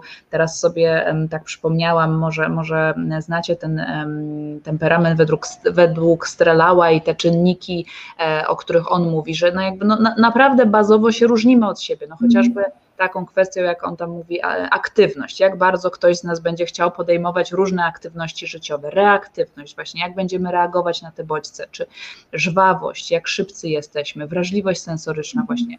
Perseweratywność, czyli jakby jak długo będziemy myśleć o tym, co nas tam, nie wiem, zabolało. No i jakby jest, jest, jest ta różnica i, i, i później będzie, e, będzie inna reakcja też na, inna reakcja na środowiskowe czynniki, także no warto znać siebie i później w odpowiedni tak. sposób. W pełni masz rację, e, zgadzam się z Tobą, dlatego że jeżeli mamy takiego mlecza, który rośnie wszędzie, e, i mlecz urodzi się w rodzinie, w której słabo rodzice sobie radzą z regulacją emocji i na przykład jest problem alkoholowy, to osoba, która jest mleczem, czyli osoba, która no, radzi sobie w różnych warunkach i ma już z natury szerokie okno tolerancji na stres, to takie osoby mogą nie rozwinąć e, czy to e, traumy złożonej, takiej, takiej pełnoobjawowej, czy syndromu DDA, DDD i mogą bardzo dobrze funkcjonować w życiu dorosłym, ale jeśli w takiej rodzinie urodzi się orchidea, czyli osoba, na którą środowiskowo trzeba dmuchać, chuchać, podlewać, sprawdzać, jakie ma, jaką ma wielkość podłoża, e, no to taka osoba jest duże prawdopodobieństwo, że wyjdzie z takiego domu rodzinnego emocjonalnie pokiereszowana. Mhm. No i właśnie, tutaj mamy w temacie takie pytanie pani Ewy. Czy osoba wysokolękowa może mieć wysoką rezyliencję po traumie z dzieciństwa? Raczej nie. E, ponieważ osoby wysokolękowe mają z reguły niskie okienko tolerancji e, tego optymalnego pobudzenia, dlatego że one właśnie w sytuacjach, które uznajemy za neutralne, będą reagowały silnym lękiem, będą generowały bardzo dużo myśli automatycznych, lękowych, będą miały tendencję do zamartwiania się. Mhm. Więc tutaj ja bym jednak e, kierowała się e, w kierunku takim negatywnym, jeśli chodzi o odpowiedź, tak? Że osoby wysoko, z wysokim poziomem lęku mają niskie okienko tolerancji, w związku z czym e, mają e, niską rezyliencję, szczególnie jeżeli są to osoby z obciążeniem z dzieciństwa. Mm, no to tutaj bym e, raczej widziała taką osobę no, w procesie psychoterapeutycznym, bo też takie osoby mają tak jak powiedziałam, trudność z lokalizowaniem różnych swoich doznań z ciała. Mhm. E, mają bardzo dużo tych doznań z ciała, no bo ten wysoki poziom lęku uruchamia szereg objawów fizjologicznych, z którymi których oni chcą za wszelką cenę uniknąć, no bo te objawy fizjologiczne nie są przyjemne, więc mhm. tutaj zachęcała do odbycia psychoterapii. No i właśnie i poszukiwania swoich kotwic bezpieczeństwa, tak, tak jak powiedziałaś, czy różnych swoich własnych sposobów, żeby sobie rezyliencję powiększać, na przykład wzięcie udziału w treningu rezyliencji, który zaproponujemy za niedługo, tak, co, czyli sprawa nie jest przegrana, bo oczywiście możesz kształtować e, tą rezyliencję, no ale jak rozumiem Kamila mówisz, że no te wyjściowo ona wysoka nie będzie. Jeżeli mamy orchideę i traumę, mhm. to równa się niewysoka rezyliencja, tak? ale, ale nadzieja jak najbardziej jest, żeby ją zwiększyć. Dobrze, pani Elżbieta z kolei pyta, właściwie już powiedziałaś Kamila o tym, nie wiem czy coś jeszcze dodamy. Pani Elżbieta mówi, ja mam właśnie tak, że byle co mnie stresuje, nawet ostatnio wizyta u lekarza, a mnie się ręce trzęsą. Czy są jakieś sposoby, aby to zmniejszyć, uodpornić się na taki stres? No właśnie w przypadku e, takich sytuacji, e, no, wspólnie tutaj z Tobą, Julia, przygotowujemy trening rezydencji, czyli cykl spotkań właśnie uwzględniających te kotwice psychologiczne, które są zawsze dostępne, że można siedzieć w poczekalni i wykonywać sobie kotwicę bezpieczeństwa po to, żeby regulować sobie poziom pobudzenia. No podam tutaj przykład mojej jednej pacjentki nastoletniej, która bardzo boi się igieł mm, i no właśnie ma przykre doświadczenie z dzieciństwa, kiedy jedna z pielęgniarek nie mogła się wkuć w żyłę, więc była kilka razy sześcioletnia dziewczynka to zapamiętała jako ba bardzo obciążające doświadczenie, w związku z czym teraz ma lat 16, ale na igły reaguje bardzo silną reakcją stresogenną i też e, pomimo tego, że sytuacja nie jest częsta, bo nie chodzimy za każdym razem, e, kiedy idziemy do lekarza na badanie krwi, to ona idzie z takim lękiem na wszelką wizytę, że trzeba będzie zrobić e, pobranie krwi i pracujemy właśnie nad kotwicą e, bezpieczeństwa. Tylko i wyłącznie to jest kotwica bezpieczeństwa dedykowana na wyjścia do lekarza. Tak? E, I ona ma też przeze mnie nagraną całą procedurę, w jaki sposób regulować swoje napięcie emocjonalne przed wizytą u lekarza, ta pacjentka też miała trudność w ogóle nawet z mijaniem jakichś przychodni, czy mijaniem e, szpitala, że już ten poziom napięcia był bardzo e, wysoki, więc można też sobie stworzyć całą taką procedurę e, bezpieczeństwa na konkretne sytuacje. Mhm tak, na konkretne sytuacje, jakieś konkretne kotwice, mhm. E, ale też oczywiście, jeżeli e, no jest jakieś, jakiś korzeń tego stresu, tak, właśnie jakaś trauma nierozminowana, niedotknięta, mhm. no to, no to ona może zawsze, prawda, wybijać i produkować cały czas jakieś, jakieś nowe triggery, więc tutaj oczywiście zachęcamy do psychoterapii. To, co robiłyśmy na przykład, to, co proponowałyśmy naszym uczestniczkom na warsztacie, to oprócz e, właśnie kotwicy drzewa mocy, to też taką kotwicę wizualną czułej przewodniczki, czy wewnętrzne mentorki, tak jak tutaj poszłyśmy za Natalią de Barbaro, jej słynną książką, żeby wyobrażać sobie też takiego wewnętrznego, dobrego opiekuna, mentora, matkę, jak, jakkolwiek kto woli, e, żeby właśnie ktoś, tak jak ktoś tutaj w komentarzach pisał o tym, żeby samo współczucie wziąć na bazie mhm. naszej dobrej relacji z kimś innym, żeby to sobie uwewnętrznić, też w taki sposób właśnie siebie pocieszać, czy samemu do siebie mówić. Jeden, jedna orchidea będzie wolała obrazy, inna orchidea będzie wolała dialog wewnętrzny, ktoś jeszcze coś innego, tak, żeby też dla siebie znaleźć takie właśnie odpowiednie słowa czy obrazy, które jakoś koją. Na pewno tak. to trzeba też przećwiczyć, więc tutaj właśnie trening na pewno może być pomocny. Ja też e, i w zakresie tego pytania, ale też poprzedniego pytania dotyczącego wysokiego poziomu lęku, to też pomyślałam sobie, że ja jestem zwolennikiem e, taki, takiego modelu pracy, że najpierw wyposażyć siebie w metody regulowania tego napięcia, tego pobudzenia, a dopiero potem rozbrajać, skąd mi się to wzięło. Tak? No. Czyli najpierw uwewnętrzniamy, automatyzujemy e, sposób e, radzenia sobie z daną sytuacją, czyli wzmacniamy rezyliencję, wzmacniamy mhm. Poczucie sprawstwa, wzmacniamy poczucie bezpieczeństwa i dopiero jak mamy już taki, takie poczucie wpływu, e, że ja panuję, jestem w stanie w miarę moich możliwości zapanować nad tą sytuacją, to dopiero wtedy powolutku, powolutku rozbrajamy, co się takiego wydarzyło, e, że, w danej, że dana sytuacja działa jak trigger. Czasami nie dojdziemy do, do tej przyczyny. Tak? Mhm. Taka sytuacja działa jak trigger i nie jest to na poziomie uświadomionym, e, co takiego się dzieje. Nie jest to dostępne werbalnie i to też trzeba uszanować. Mhm.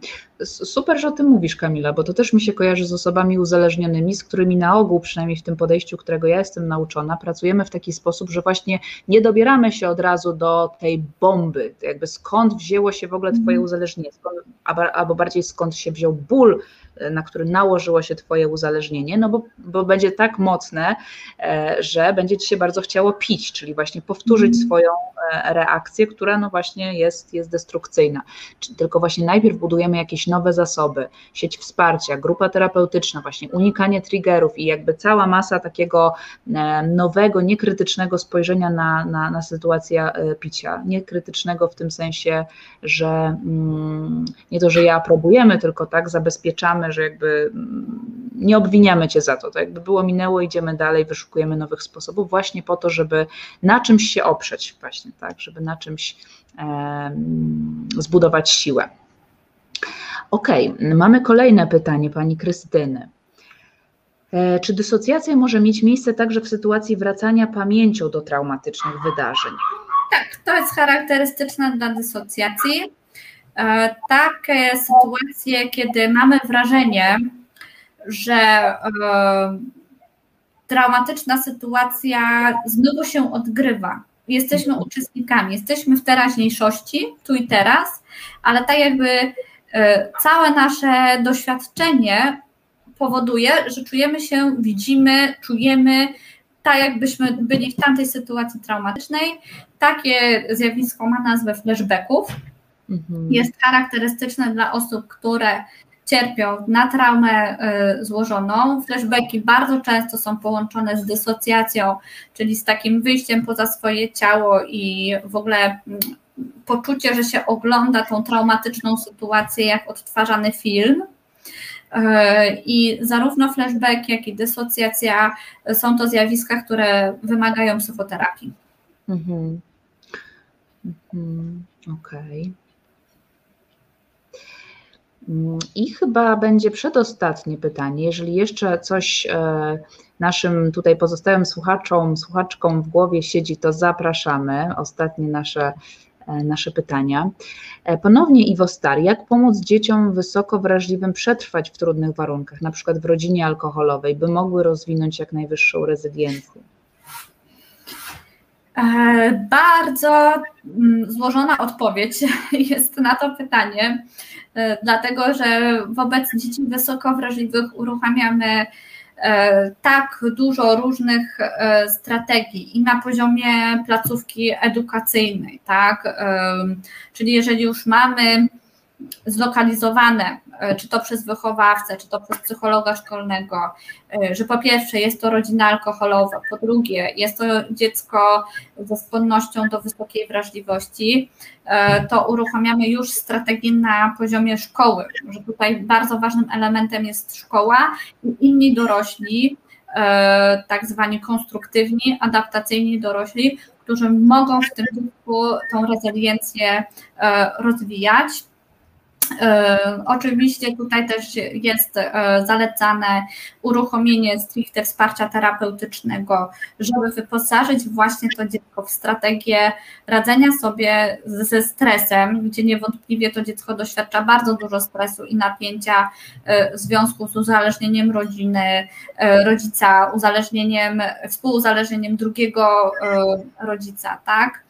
E, natomiast w jaki sposób w ogóle wspierać e, wysoko wrażliwe dzieci poprzez kształtowanie im e, rezyliencji, to na ten temat ja będę przygotowywała grupę rozwojową dla rodziców we wrześniu, także serdecznie na tą grupę zapraszam. Mhm. Ja bym tutaj jeszcze może dopowiedziała, ja tak jak wiecie, ja z dziećmi nie pracuję, ale jak na przykład pracuję z mamami współuzależnionymi, E, I, I, podobnie nie, nie, nie pracujemy na ogół nad no, jakimś takim na zasadzie poradnictwa rodzicielskiego, tylko nad, nad jej historią, ale często taka mama współuzależniona, która ma aktywnie pijącego męża i nie zamierza się z nim z jakiegoś powodu rozstawać i pyta, co zrobić, żeby ulżyć dzieciom właśnie, czy jak, jak je chronić, no to ja mówię bardzo banalne rzeczy oczywiście, czyli na przykład, żeby E, prostym językiem wytłumaczyć temu dziecku, co się dzieje. Bardzo mieć dużą uważność, czy to dziecko popada w jakąś rolę, e, czyli właśnie, czy już się kształtuje młody DDA, czyli takie, czy, czy się już dzieje parentyfikacja, że dziecko zaczyna się nadmiarowo troszczyć o kogokolwiek, przejmować nie swoje obowiązki, mieć niesamowite radary na któregoś z rodziców i takie, takie, tak, takiej troski, czy, czy jakoś swoim zachowaniem pokazuje, tak, że, że chce zaspokoić jakąś rodzinną potrzebę, a nie swoją. No i żeby możliwie e, odciążać, odbarczać, tak, tłumaczyć, e, że no, taka jest sytuacja, ale to nie jest Twoja wina, nie musisz tego robić jakkolwiek. No i ale oczywiście to jest powiedzmy jakaś jakieś ugaszenie chwilowego pożaru, a e, trzeba by było rozwiązać problem u podstaw, tak? czyli e, rozwiązać alkoholizm czy, czy jakąś inną dysfunkcję. Jula, czy to jest dobry moment e, na polecenie książek? Właśnie, właśnie tutaj mamy dokładnie Tak, tu ktoś potrzebuje do pracy magisterskiej i mhm. ponawia prośbę o podanie źródeł naukowych, ktoś tu też jeszcze pisze o, o literaturę, także tak, Dobra. polecaj. E, to ja się zanurkuję na chwilę po książki i Dobrze. zaraz wracam. Okej. Okay. O, będzie dużo. O, mam cały pakiet. To ja będę w takim razie zaraz googlować i wstawiać tutaj Wam linki w czat. Tak, Możecie też dzisiaj sobie... mam cały pakiet. Jedne są bardziej naukowe, drugie są mniej naukowe. Natomiast e, na początek zacznę od mojego ostatniego odkrycia. Bardzo, bardzo mi się podoba ta książka. To jest e, Dobrostan Agnieszki Maciąg. O, Dobrostan. Mówię o, bo Agnieszka Maciąg kojarzy się chyba, ona jest chyba aktorką? Dobrze, jest modelką, jest modelką, natomiast e, bardzo dobra książka, e, pięknie wydana, z pięknymi zdjęciami, z takim szacunkiem do czytelnika, także polecam. Mhm. Tak, więc to jest pierwsza żeby sobie tak przybliżyć, w jaki sposób funkcjonują osoby wysoko rezylientne, to przygotowałam taki wywiad rzeka z lekarką, która przetrwała i wojnę, i wiele trudnych życiowych sytuacji, i to jest książka Czesałam ciepłe króliki. Czesałam ciepłe, ciepłe króliki. Mhm.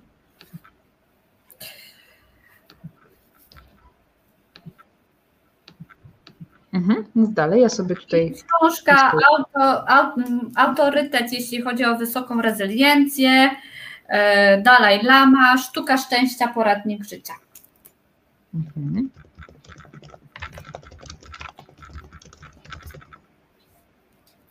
Mhm. Teraz mam książki stricte już z pracy z ciałem, e, w takim kontekście rezyliencji. E, to jest podręcznik EFT Technika uzdrawiania emocjonalnego. Bardzo konkretna książka, cienka, ale wszystko jest wyjaśnione, w jaki sposób można budować e, kotwicę bezpieczeństwa w ciele. I drugą podobną książkę. E, Kamila, podaj autora, bo żeby mogła znaleźć. E, to jest o, Margaret Kruczek-Schumacher. Kruczek-Schumacher. Okej. Okay. GFT. Mhm. Drugą książką też, jeżeli chodzi o technikę EFT, czyli technikę opukiwania, no to to jest właśnie metoda opukiwania, rewolucyjny system na bezstresowe życie. A powiesz e, słowo, o co chodzi z opukiwaniem? E, z opukiwaniem to, są, to jest w ogóle cały zestaw kotwic bezpieczeństwa z ciałem, gdzie się opukuje pewne konkretne punkty na ciele w celu e, gruntowania siebie, tak? Czyli to się zaleca u osób, które mają flashbacki, u osób, które mają dysocjację, u osób, które mają zbyt wysokie pobudzenie, kiedy wypadają poza okienko tolerancji i to jest kształtowanie się nawyku poprzez właśnie pracę z ciałem. To jest ba bardzo zbliżone do y, techniki EMDR. Mhm. Natomiast technikę EMDR się robi w towarzystwie y, terapeuty. Y, potem człowiek sam wprowadza się w ten trans. Natomiast metoda opukiwania można się też nauczyć samemu właśnie z tych książek. Taka autoterapia, prawda? Tak, tak, tak. To mhm. jest y, autoterapia poprzez kontakt z ciałem.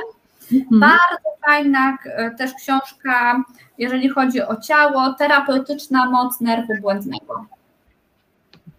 Aha. Powiesz słówko, o co w tym chodzi? To jest książka oparta na y, teorii poligwalnej, poliwagalnej.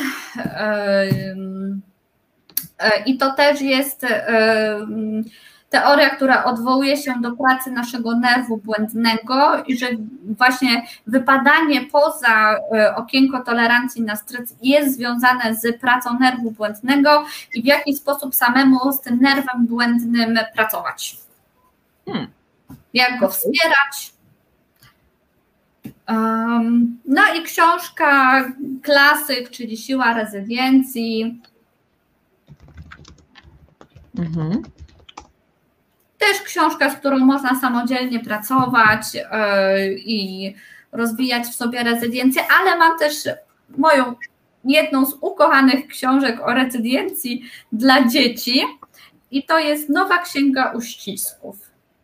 O, a o czym to jest? Nowa Księga Uścisków też jest cieniutką książeczką e, i jest o misiach, które się ściskają e, w różnych sytuacjach, na przykład e, uścisk policzkami, czuły, udzielony delikatnie, nosi często znamiona duchowe. Uścisk policzkami może powiedzieć: Dostrzegam Twoją delikatność, myślę o Tobie, pragnę, aby moja szczera troska dodała Ci sił. Mm. O. Także. E, Dla dorosłych też się przyda, prawda? Tak. Albo uścisk łapu capu. O, i cóż to jest? E, filuterny, serdeczny, zwięzły daje możliwość poradzenia sobie z wieloma uściskami w kontekście napiętego harmonogramu dnia może towarzyszyć mu element zaskoczenia. Uścisk łapu capul ma niemal zawsze mówi, a kuku, obyśmy nigdy nie zestarzeli się aż tak, żeby nie chciało nam się bawić. O, słodkie. Okej. Okay. E, dlatego, że u, dzieci też rezyliencję rozwijamy głównie poprzez kontakt e, z ciałem, poprzez masażyki, dociskanie, e, różne zapachy, różne faktury, ale też kształtowanie właśnie uścisków. Mhm. Okej. Okay. No dobrze, Kamila, no to dałaś tutaj olbrzymi pakiet e, książek. Wszystkie tutaj macie podlinkowane w, mm, w czacie, jakby ktoś chciał sobie znaleźć. E, no dobrze, no to chyba tyle na dzisiaj. Możemy ogłaszać wakacje tak, w takim tak. razie. Bo... A po wakacjach zapraszamy na różne nasze działania. Tak, e, ponieważ z Kamilą się e, tutaj rozkręcamy w naszej internetowej działalności, dobrze nam razem i chcemy Wam dawać z siebie więcej. Ten cykl o traumie i rezyliencji kończymy. Zostawiamy Wam go tutaj do ponownego odsłuchania. Zostawiamy Wam też tutaj namiary na nas, e, to znaczy możecie nas znaleźć już też podlinkowuję na naszych fanpage'ach na Facebooku. E, możecie nas tutaj polubić, e, być z nami w ten sposób w kontakcie. Będziemy Wam tam ogłaszać nasze różne wydarzenia, właśnie które przede wszystkim e, ruszą z kopyta po wakacjach we wrześniu. O, podlinkowałam jeden, drugi. Możecie też zasubskrybować ten kanał tutaj, ustawić ten dzwoneczek, żeby te powiadomienia przychodziły. E, ja jeszcze raz e, podlinkowuję również moją grupę rozwojową dla osób DDA, DDD, 12 spotkań. Właśnie zakończyła się pierwsza edycja tej grupy i e, zapraszam trzy ostatnie osoby, które są zainteresowane na początku rozmowa kwalifikacyjna niezobowiązująca, która będzie kwalifikowała do tej grupy, też zostawiam tutaj link. No i a, a kolejne nasze wydarzenia z Kamilą, które jeszcze musimy ustalić sobie, przemyśleć, przegadać, także jeszcze ich tutaj nie, nie proponujemy z konkretną datą, ale będą e, niedługo. Możecie nam dać znać w komentarzach, czy to dzisiejsze nasze wystąpienie było dla Was pomocne, czy, czy pomogło, jakie myśli sobie z tego bierzecie, tak żebyśmy miały też od Was informacje, co, z czego korzystacie, może co byście chcieli w przyszłości, to też weźmiemy to na pewno pod uwagę. No i tyle. I było nam bardzo nam miło dzisiaj tutaj kolejny raz e, tak. być e, z osobami, które są tak zdeterminowane w swoim rozwoju, tak poszukują wiedzy, e, że nawet w niedzielę czerwcową, ciepłą są gotowe tutaj być. Bardzo, bardzo Wam za to serdecznie dziękujemy, gratulujemy chęci do rozwijania się. No i cóż, Kamila, żegnamy się. Tak. Czy jeszcze Dziękuję coś pięknie. chcesz powiedzieć na koniec? Dziękuję pięknie. Um ja oczywiście e, dziękuję Tobie za wspaniałe prowadzenie, za mm, ciekawe pytania, bo myślę, że Twoje pytania dzisiaj e, bardzo dużo wniosły e, w spotkanie. Dziękuję wszystkim słuchaczom, tak jak powiedziałaś, za poświęcony czas w tą czerwcową niedzielę.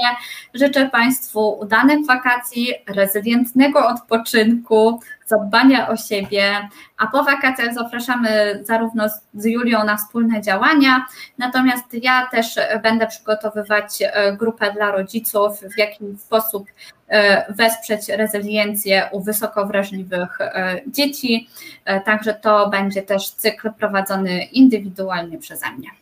Tak, każda z nas będzie miała coś indywidualnego, e, Kamila dla rodziców, ja dla osób DDA-DDD, a także coś wspólnego, e, czyli trening rezyliencji dla, dla jeszcze innych osób, już nie tylko dla kobiet, także panowie jesteście również zaproszeni i mile widziani. Tak widzeni. Ok, dziękujemy bardzo serdecznie, trzymajcie się ciepło, zostawcie nam komentarze, łapki w górę, jeżeli uważacie, że zasłużyłyśmy. Będziemy sobie wszystko później czytać, analizować. Dziękujemy Wam bardzo i do zobaczenia wkrótce. Dziękujemy pięknie.